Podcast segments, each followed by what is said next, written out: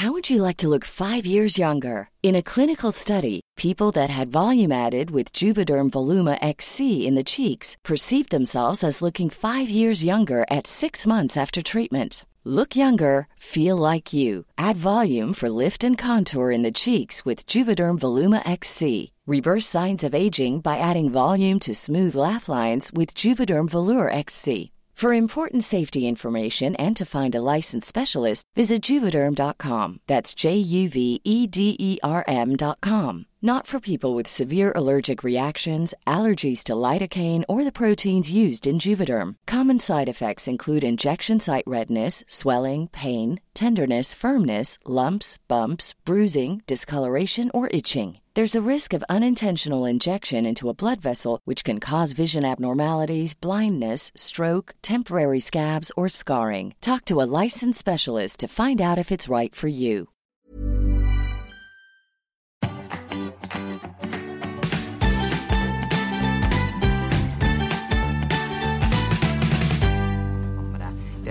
Vennene mine, alle som kjenner meg, hele familien min. Du kan spørre hvem du vil, mamma og pappa. Samtidig så er jeg en person som jeg kan godt møte en person i morgen som jeg får ti ganger mer følelser for enn jeg har for deg. Og det eneste jeg har lyst til da, er å gifte meg med mann, få unger mann og bli gammel mann. Men samtidig, du må vite at Hei og hjertelig velkommen til Foreldrekoden. Temaet i dag er samlivsbrudd og skilsmisse, og hvordan det påvirker barna. Hun sender veldig blanda signaler. Og du hørte jo da nettopp et umiskjennelig klipp fra parterapiserien på NRK, som fikk sette standarden for dagens episode. Vi skal røre rundt i den suppa som et samlivsbrudd og en skilsmisse er, og skille ut noen gode råd og klassiske tabber som du bør unngå. Men eh, før det så minner vi om at du kan abonnere på Foreldrekoden-serien vår i din podkastspiller. Og Da får du hver mandag en ny episode inn i din feed. Dette kan du gjøre i iTunes f.eks. eller Spotify. Så var det sagt. Hedvig Montgomery, dette er på en måte ditt eh, ekspertfelt, kan man si det sånn? Du er eh, jo familieterapeut og i tillegg til å være psykolog. Aller først, skilsmisse. Hvor lenge varer en skilsmisse? Jeg vet hva, Det er et veldig godt spørsmål. fordi at Som voksen så tenker man at uh, det er noen ting som skjer, og så gjør man det, og så er man skilt. Men for barn fungerer det ikke sånn. For barn er en skilsmisse noen ting som varer så lenge de er i den situasjonen som, uh, som er oppstått. Og det vil si at for dem så varer en skilsmisse i hvert fall barndommen ut, sannsynligvis enda lengre. For de skal forholde seg til verden sånn som den blir etter bruddet. Og det blir deres virkelighet. Det setter spor. Det setter spor, og det, for all del det, det er så mye som setter spor i barn, og barn er ganske robuste bananer. Eh, sånn at det er, det er mye de tåler. Og det går bra med, med skilsmissebarna også, men de, de, får en ekstra ting å forholde seg til. De får en ekstra ting å leve med som, eh, som andre slipper. Samtidig, skilsmisse er jo blitt veldig vanlig, så hvorfor er det egentlig så big deal? Ja, nå må jeg bare si at De aller fleste foreldre holder fortsatt sammen. Det er ca. 20% av barna som opplever at foreldrene går fra hverandre mens de er uh, hjemmeboende. Uh, men når det er sagt 20% det er også mye. Uh, hva som gjør at det er så stort? Jeg tenker jo at skilsmisser er det største, det mest personlige vi opplever. Det er virkelig inni vår privatsfære. Og det oppleves som eh, både det å forlate og bli forlatt er grunntemaer i, i, livene våre. Det er nesten det største som vi dealer med. Eh, så det er et tema som berører så veldig helt eh, grunnmuren i livet. Har jeg noen, eller har jeg ikke noen? Dette skal vi gå gjennom punkt for punkt. Vi er straks tilbake.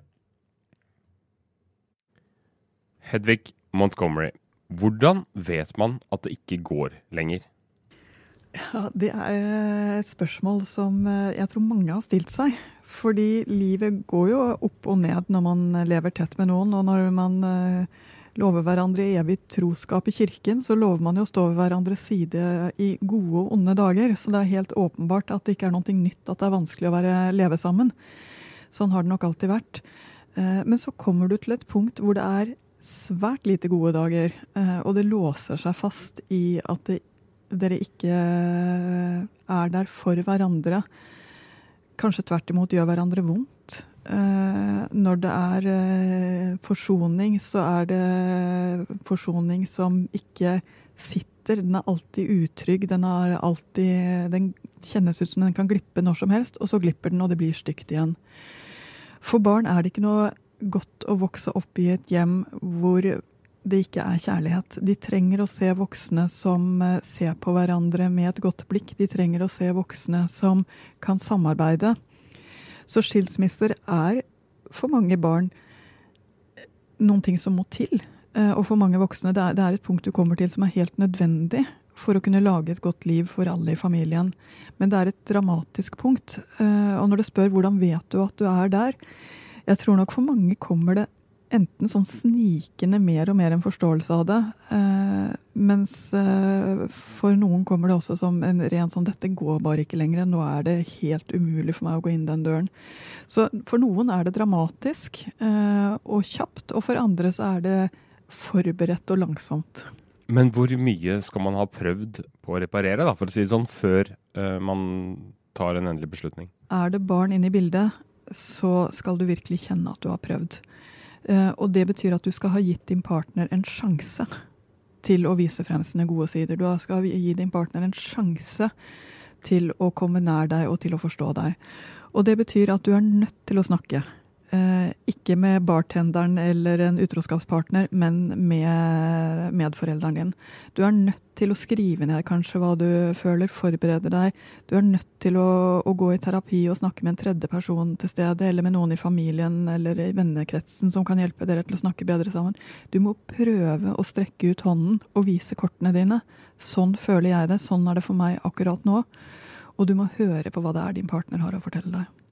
Ja, for det er vel fort gjort at man går ned i de samme skyttergravene uansett, og tolker ethvert uh, svar fra motparten inn i den samme historien som man, negative historien som man kanskje har begynt å bygge, da.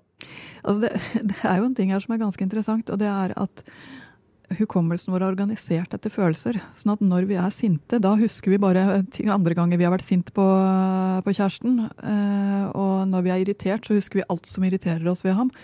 Så det er lett når du står i en følelse og tenker at sånn har det alltid vært, og glemme at det faktisk var en som du falt for, en uh, som uh, du syns er fantastisk fin uh, i bar overkropp. Altså alle disse tingene man har sammen i et parforhold også. Men det som virkelig tar død på et forhold, det er opplevelsen av at han, forstår, eller han eller hun forstår meg ikke. Han eller hun er der ikke for meg når jeg trenger det.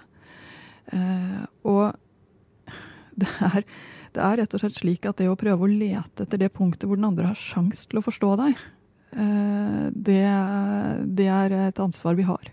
Det jo mange lurer på, er hvordan skal man unngå at barna blir skadelidende, håper jeg.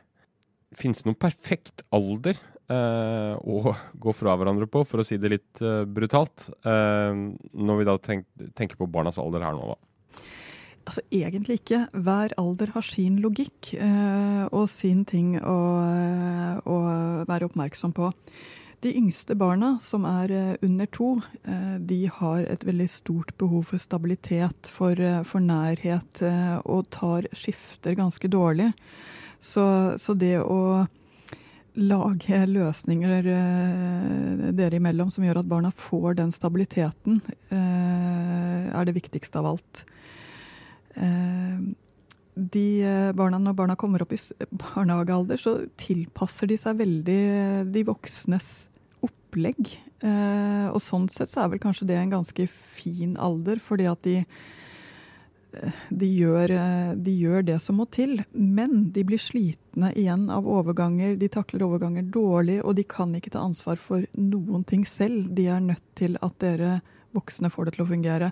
Og det blir nesten enda sterkere når du kommer opp i skolealder. For i skolealder så trenger barna at de har riktig ting på riktig sted. Altså at alt det praktiske fungerer for dem, betyr så mye. Og de tåler så dårlig at gymlæreren ser på dem med det blikket som gymlæreren ser på deg på når du igjen har glemt gymtøyet. Eh, så det å ha et samarbeid som gjør at barnet ikke får de blikkene, eh, betyr mye for barna. Og så er det også slik med skolealderen at de de skjønner så mye, men allikevel så skjønner de så lite. Vil si at de skjønner konsekvensen av en skilsmisse for dem, men de skjønner ikke hva som får foreldre til å ta den type valg, og de kan ikke helt forstå det heller. Eh, tenåringer syns ofte at foreldrenes skilsmisse rett og slett er ekstremt forstyrrende, fordi at de er i en alder hvor de skal være lite opptatt av de voksnes liv, og mye opptatt av sitt egen og jevnaldrendes liv. Eh, så da, da, blir rett og slett en skilsmisseprosess i hjemmet en støy for dem som, som sliter dem veldig ut, uh, og som de nesten ikke orker å forholde seg til. Uh, så, så, at du får uh, mye opprør i den alderen, kan absolutt være. Så altså, som du hører, hver alder har litt sin utfordring og sin logikk i forhold til hva som blir vanskelig.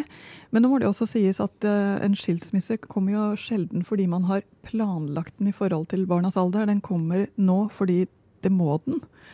Uh, og det er uh, mer at du skal være oppmerksom på at barna trenger å få en forståelse ut fra hvor de er utviklingsmessig, og hva de kan skjønne. De trenger at dere fortsetter å være foreldre sammen og hjelper dem med alt det praktiske de, de trenger. Og det har også noe med alder å gjøre. Uh, og så trenger de at de ikke blir de voksnes søppelkasser eller, eller betrodde, men, men, at de får lov til å fortsette med sin barndom. Så har man nådd uh, the tipping point. Hvordan skal man fortelle barna at mor og far skal skilles eller gå fra hverandre? Ikke sant. Eh, det er så sårt, og det er så vanskelig å komme til det punktet. Og jeg tror det er veldig mange, jeg vet at det er veldig mange som gruer seg til akkurat dette punktet. Hva skal vi si, hvordan skal vi si det, hvem skal være med? Eh, barn trenger nok at dette gjøres på en måte som gjør at har de søsken, så er søsken sammen. Dette er noe som gjelder oss som søsken, ikke at man snakker med dem én og én. Eh, så er de flere, så, så ta det du, vi har noe å fortelle til dere. Eh, og hva du skal si for noen ting. Dette handler mye om å si noen ting som barna har sett, og som de kan forholde seg til. Og det er ofte ting av typen vi gjør mindre og mindre sammen, eh, og vi er så uendelig glad i dere og har lyst til å være foreldre til dere sammen. Akkurat det vil vi sammen. Men det er så lite annet vi vil sammen, og derfor har vi valgt å bo hver for oss. Det er sånn vi kommer til å gjøre det. Og her er jo problemet at som regel er det én som vil minst. Det er jo én som eh, på en måte tar jobben med å gå. Uh, og det kan gjøre at den som blir forlatt, er veldig veldig sint og sier det var ikke min beslutning. Uh, slike ting lager så mye støy for barn. De for det første så er det alltid mer sammensatt enn dette. Det er ikke nødvendigvis den som går sin skyld, selv om det kjennes sånn ut i situasjonen. Man er to om å lage dette parforholdet hvor man skal føle seg forstått. Uh, og for det andre så vil barn tåle dårlig at de skal synes synd på den andre og være sint på den første. Altså det, det er en måte for dem å forholde seg til foreldre som de er glad i begge to, og de kjenner seg igjen i begge to, som, som fungerer veldig dårlig. Så tenk igjennom hva kan dere si som får dette til å virke som om ok, dit er vi kommet, uten at dere skal fortelle alt om hva som gjorde at dere kom dit, eh, men på en måte som, som, barna kan leve videre med, og som gir barna rom til å like dere begge to. Så man må skrubbe av seg all sårhet og selvmedlidenhet, og, og rett og slett gjøre det veldig eh, nøytralt? Ja, så nøytralt som dere får det til. Eh, og det betyr også at her er det lurt å ha grått eh, og rast med familie og venner i forkant. Eh, sånn at du har kommet litt eh, i kontakt med at det finnes også dette helt praktiske nivået. Og da skal du vite én ting til. Det er at for barn er dette praktiske nivået uhyggelig viktig. Eh, de trenger å vite hva nå. Og det vil si at når du forteller barna dette har vi bestemt oss for, ja det er trist, men vi skal gjøre det på en måte som er best mulig for oss alle sammen, eh, så må dere også ha klart for dere hvordan blir det nå. Hvor skal vi bo? Hvem skal bo hvor? Eh, når begynner det? Eh, kommer jeg til å fortsette på skolen min? Altså disse spørsmålene som virkelig barna har, eh, må dere ha et bilde for. Det betyr ikke at dere trenger å vite hvordan det skal være for resten av livet eller resten av barndommen, men i hvert fall for de første fire, fem, seks månedene. Og si at sånn som det blir nå i starten, så flytter mamma hit, og der ser det omtrent sånn ut. Eh, dere kommer til å fortsette på den samme skolen, forhåpentligvis. Eh, ikke forhåpentligvis, men nå sa jeg forhåpentligvis til. Jeg håper nesten alltid at det er resultatet, fordi det er mye for barn å ta både en skilsmisse og et skolebytte samtidig. Så er det mulig å holde på barnas hverdag i dette her, så er det en veldig god hjelp for barna. Så vis dem at hverdagen fortsetter, livet deres fortsetter, hvordan det kommer til å se ut. Si at det kan endre seg etter hvert, men at vi begynner her. Eh, både fordi at barna har godt av å si hvordan det blir, men også vite at hvis det ikke fungerer, så finner vi andre løsninger. For å bare hoppe litt tilbake. Du var inne på hva man skal si, eller hvordan man skal si det. Men de fysiske rammene, altså bare for å være helt konkret, man, liksom, er det lurt å gå inn til dem én og én inn på rommet sitt mens de sitter og gjør noe hyggelig, eller skal man liksom sette seg rundt stuebordet alle sammen da, og si det er en familie på fire, da? Eh, hvordan gjør man det? Eh, å sitte sammen, spisebordet, alle fire, altså det er en så stor og viktig anledning at det faktisk kan være en stor og viktig anledning. Og hvis de sitter og gjør noe hyggelig, og du kommer inn til dem og sier 'forresten, vi skal skilles', altså det er to ting som gjør at det blir feil. Det ene er at de sitter alene. Er det to barn, så må de få lov til å være sammen. Det andre som er feil, er at de kommer ikke til å synes det de drev med da som de egentlig likte. De kommer ikke til å like å gjøre det, kanskje noen gang igjen i livet. Det ødelegger så mye en hyggelig ting. Så gjør det til den alvorlige stunden der. altså Saml dere sammen og snakk om det. Hør hva de har å si i den situasjonen, og så kan de gå og gjøre hva de vil. Men ikke legg opp til at det skal gjøres noe veldig hyggelig etterpå. F.eks. å dra på Tusenfryd etterpå. Kjempedårlig idé. Det blir aldri gøy på Tusenfryd igjen. Eh, så man må skjønne at dette er en alvorlig ting for barna. De trenger å være sammen, de trenger å kjenne at vi gjør dette sammen. Også skilsmissen. Eh, og de trenger å forstå at du skjønner at dette er ikke gøy. Og Det betyr også at for det å skille seg rett før jula, altså det å komme med dette budskapet rett før julaften, er veldig hardt for barna. Fordi For dem er det en stor ting. For dem løser det opp livet sånn som de kjenner det. Og det tar tid å bygge opp et nytt liv som fungerer for dem. Men det man ikke kan forutsi, er jo hvordan barna vil reagere på det. Så hvordan skal man takle deres reaksjon på det? La oss si de blir fly forbanna, eller at de bare løper inn på rommet sitt og begynner å gråte. Altså, hva, hva, hvordan skal man følge opp dette her? Mm. På samme måte som når barn reagerer kraftig på andre ting. Du må følge deres reaksjon og skjønne at sånn går det faktisk an å reagere. Og det er absolutt forståelig. Eh, det er Enhver måte å reagere på på dette budskapet er faktisk riktig. Eh, noen barn vil si 'Å ja, Kommer jeg til å få kakao hjemme hos deg, eller? Altså, de, de kommer dit med en gang. Eh, mens andre barn gråter og gråter, blir sinte, føler seg sviktet, føler seg lurt. Eh, og jeg må si at i hver situasjon hvor jeg går inn i dette, så ser jeg at de har grunn til å få den følelsen de får. Og de må få lov til å få den følelsen de får. Så blir de lei seg, trøst. Blir de sinte, skjønn at det går det an å bli, eh, og ro ned. Altså Let etter det som gjør at du skjønner den reaksjonen de får, og følg den. Men har barn har de De vil jo kanskje ha hørt om, om eh, begrepet skilsmisse eller så, fra andre, fra venner. altså Har de noen idé om hva de kan, det kan romme på, på forhånd, på en måte? Altså Når de kommer opp i barneskolealder, så har de ofte det. Og ofte er de også redde for det. Så når du har barn som kommer opp i 8-9-10-årsalderen, så vil du ofte komme inn i noen ting som de opplever som en frykt. Eh, fordi de nettopp har en idé om hva det er for noe. Så viser det seg at det går fint. Så viser det seg at det går an å lage et godt liv også på denne måten. Så viser det seg at for mange familier blir det faktisk bedre, fordi det er en grunn til at den skilsmissen kommer. Når man går fra hverandre, så er man kanskje irritert på hverandre. Kanskje man er selv vil si at man nesten hater den andre personen. Hvordan skal man liksom ta seg i akt for å hindre at uh, dette blir noe som barna lider under? Mm. Enten du forlater eller du blir forlatt, så blir du stort sett sittende og tenke på det dårlige ved eksen din. Eh, også ganske ålreit eh, menn og kvinner går til å omtale som psykopater i løpet av bare noen minutter etter et brudd. Uh, og her er det viktig å være klar over noen ting. Det ene er at barna har jo faktisk gener fra dere begge og kjenner seg igjen i dere begge. Og det betyr at barnet må få lov til å holde på den, de fine tingene med din eks, også når du kan slippe dem, og kanskje til og med finne en annen som er bedre. Så du er nødt til å aktivt finne de fine tingene ved din eks som du skal holde opp og, og, huske, selv om dere har gått fra hverandre. Det er en helt spesiell ting når man har barn sammen. Og dette er hardt, men det er viktig. Det hørtes vanskelig ut. Det er vanskelig. Uh, og for mange er det nesten helt umulig. Men det er én ting du skal være klar over. Det er at hvis du begynner å småskyte på eksen din Si ja, det er typisk, han har jo aldri klart å prikk, prikk, prikk. Eller det er typisk henne, hun har jo alltid prikk, prikk, prikk. Den type ting til barnet så det du tror at du gjør, det er at du skyter på eksen din. Men det du faktisk gjør, det er at du treffer barnet som står i midten. Han eller hun vil synes dette er så vondt.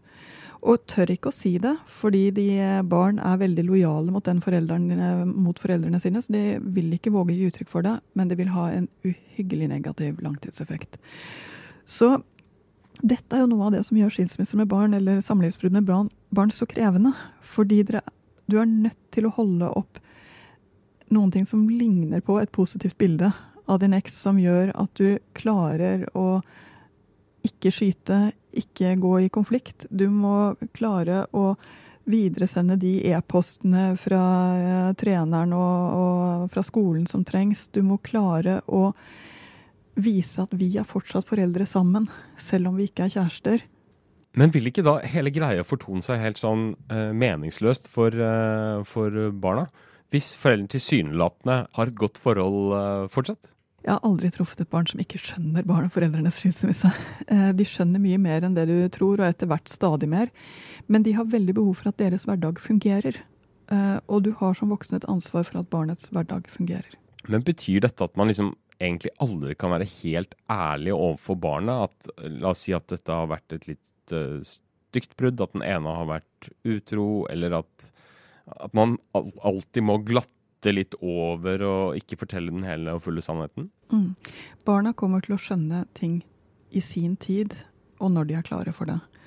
Uh, og husk på det at en skilsmisse varer barndommen ut. Så det er ikke noe behov for å fortelle allting sånn som det er her og nå. Det er et behov for å lage et liv som fungerer her og nå, og det er det viktigste. Men hva om eksen faktisk er en psykopat, en gærning eller en gærningerinne? Hva gjør man da? Ja da, Det er ganske jevnt fordelt uh, dette med å være gæren mellom begge kjønnene. Så uh, du har helt riktig å omtale det med begge kjønn. Og selvfølgelig forekommer det. I noen prosent av, av skilsmissene så er det både så god grunn til å gå, og så god grunn til å beskytte barnet mot partneren. Uh, at du er nødt til å gjøre det for å være en forsvarlig, en forsvarlig forelder. Men da må du søke støtte. Du må snakke med familievernkontoret. Du må eh, prøve å gjøre det som skal til for å ta vare på barnet, men uten sjekke ut at det ikke er noe du tar feil i. At det faktisk er noe som stemmer. Jeg tror det er mange som uh, lurer på det følgende. Når er det greit å få seg en ny kjæreste? Ja, ikke sant. Eh, noen har jo allerede den kjæresten på Nettopp. det tidspunktet vi snakker om. Eh, og det kan jeg bare si, det er en dårlig start for den nye kjæresten din. Eh, det er vanskelig for barna å både akseptere det og, og elske den nye da. Eh, med mindre de er veldig små. Men jo eldre barna er, dvs. Si at fra slutten av barnehageårene og fremover, så her skal du gå langsomt frem med nye kjærester. For det første fordi at barna trenger å få lov til å reagere først. Og de trenger å bli vant til den nye situasjonen først. Før de føler at de mister deg inn i et nytt forhold. For tro meg, også godt voksne mennesker som er forelsket, oppfører seg som tenåringer. Og dette plukker barn veldig, veldig fort opp. At plutselig så sitter mamma med armen rundt en annen mann istedenfor med armene rundt meg, det kjennes ikke særlig godt ut. Så her skal du vite både at fra skilsmissen har skjedd det kommer inn nye, så bør det gå tid. Og jeg ville si ett år, som en tommelfingerregel. For noen barn er det faktisk behov for enda mer tid. Så du må se an at barna finner seg til rette i, i den nye måten å leve på, som det faktisk er for dem, med å bo på to steder. Eh, og når det så kommer inn en ny partner, så er det en langsom prosess. For et barn å begynne å stole på en ny voksen går det faktisk flere år før man kan ta imot kjeft, ta imot veiledning, ta imot råd fra en annen voksen. Så den nye voksne skal gå med veldig lette føtter, og også gi plass for uh, forelderen til å være sammen med egne barn alene, uten at nykjæresten er der. Da skal vi ha dagens spørsmål.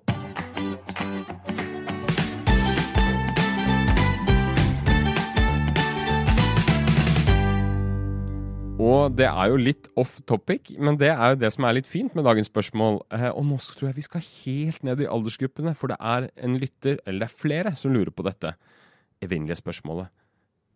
Hvordan få barnet til å slutte med smokk? Ja, ikke sant. Har du slitt selv, eller? Nei! Nei, hva skjedde? Skal jeg fortelle hva som skjedde? Ja. Vi skulle til tannlegen. Det er en, kanskje en klassisk historie, men det var så effektivt at jeg ble nesten tatt helt på senga sjøl. Vi skulle uh, til tannlegen. Og så sa tannlegen Har du lyst å ha harde tenner? så sa sønnen min eh, nei. Nei, men da må du slutte med smokk med en gang. Og så fikk han to premier. Aldri vært noe mas. Det var så effektivt. Det gikk på ett minutt, og det har jo ikke vært noe snakk om saken siden. Og hvor gammel var han? Han var 2,5. Ikke sant. Fordi det som er interessant med å slutte med smokk, det er at det handler mye om timing. Når barna er klar for det, og har funnet andre måter å roe seg ned på, så vil de slutte lettere med smokk. Eh, for noen barn er smokk nærmest altså De har et så stort sugebehov, og de eh, er gale etter smokken. De skal ha én i munnen og én i hver hånd for å, for å, roe seg ned. Jeg tenker ofte at det er nesten som nikotin i det. For at det, de virker så avhengige på en periode. Mm. Og i den perioden så, kan, så sier det seg selv at det å slutte der og da er ganske vanskelig. Men sugebehovet avtar, så følg med. Se når det avtar. Og da var du faktisk ganske heldig med dette tannlegebesøket, for jeg tipper det kom ganske godt timet i forhold til at sugebehovet avtok. Uh, og så må de få lov til å få noe annet. Uh, for mange barn er det noe mykt å holde i, et kosedyr, altså et eller annet som gir den der opplevelsen av trygghet, for det er den funksjonen smokk har. At den er to og et halvt er også en fin alder, fordi da er språket på plass, sånn at det går an å si noen av de tingene som de skjønner. Men utover tannlegemetoden, hva, hva, er egentlig de beste sånn triksene? Og jeg må si Foreldre og familier gjør så mye forskjellig her. Noen sier rett og slett at nå blir det bare smokk, altså trapper ned. Eh, som jeg alltid vil begynne med. Bare smokk i noen situasjoner hvor de er skikkelig lei seg, eller eh, det er rundt legging. Eh, og så handler det om å finne de der overgangsritualene, for det var nesten det tannlegen var. I Sverige så er det jo alle barn i Stockholmsområdet går jo og gir eh, smokkene sine til bjørnungene på Skansen. Eh, og liksom gir dem bort da, til noen som eh, er søtere enn dem og mindre enn dem. Eh, andre tar og eh, bruker da dette lille trikset med en liten premie her og der.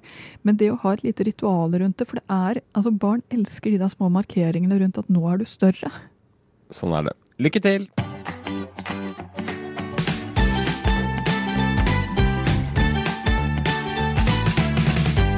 Ja, Hedvig Montgomery, vi har snakka om noe vondt og vanskelig og eh, ofte brutalt i dag. Skilsmisse og samlivsbrudd. Men hva vil du si sånn oppsummeringsmessig er det aller viktigste å huske på? Ja, det høres kanskje litt rart ut, men jeg tror det viktigste å huske på er at livet går videre. Både for deg og for barna. Det kommer nye dager, og det kommer nye muligheter til å lage både kjærlighet og nærhet. Hva er det man absolutt ikke bør gjøre eh, ved inngangen til en, et brudd? Du skal strekke deg langt for å unngå konflikt med, med din partner. For eh, det eneste vi virkelig vet om barn og samlivsbrudd, det er at de tar skade av vedvarende konflikter mellom de voksne. Da lar vi det være siste ord. Vi sier takk for at du hørte på, og vi minner om at vi har en Facebook-gruppe der du kan diskutere ulike sider ved barneoppdragelse og foreldreskap med andre mammaer og pappaer. Og da gir vi også litt små drypp av info og andre ting mellom episodene våre. Ja, da håper jeg du lærte noe også i dag. Ny episode slippes neste mandag. Vi høres da. Ha det bra.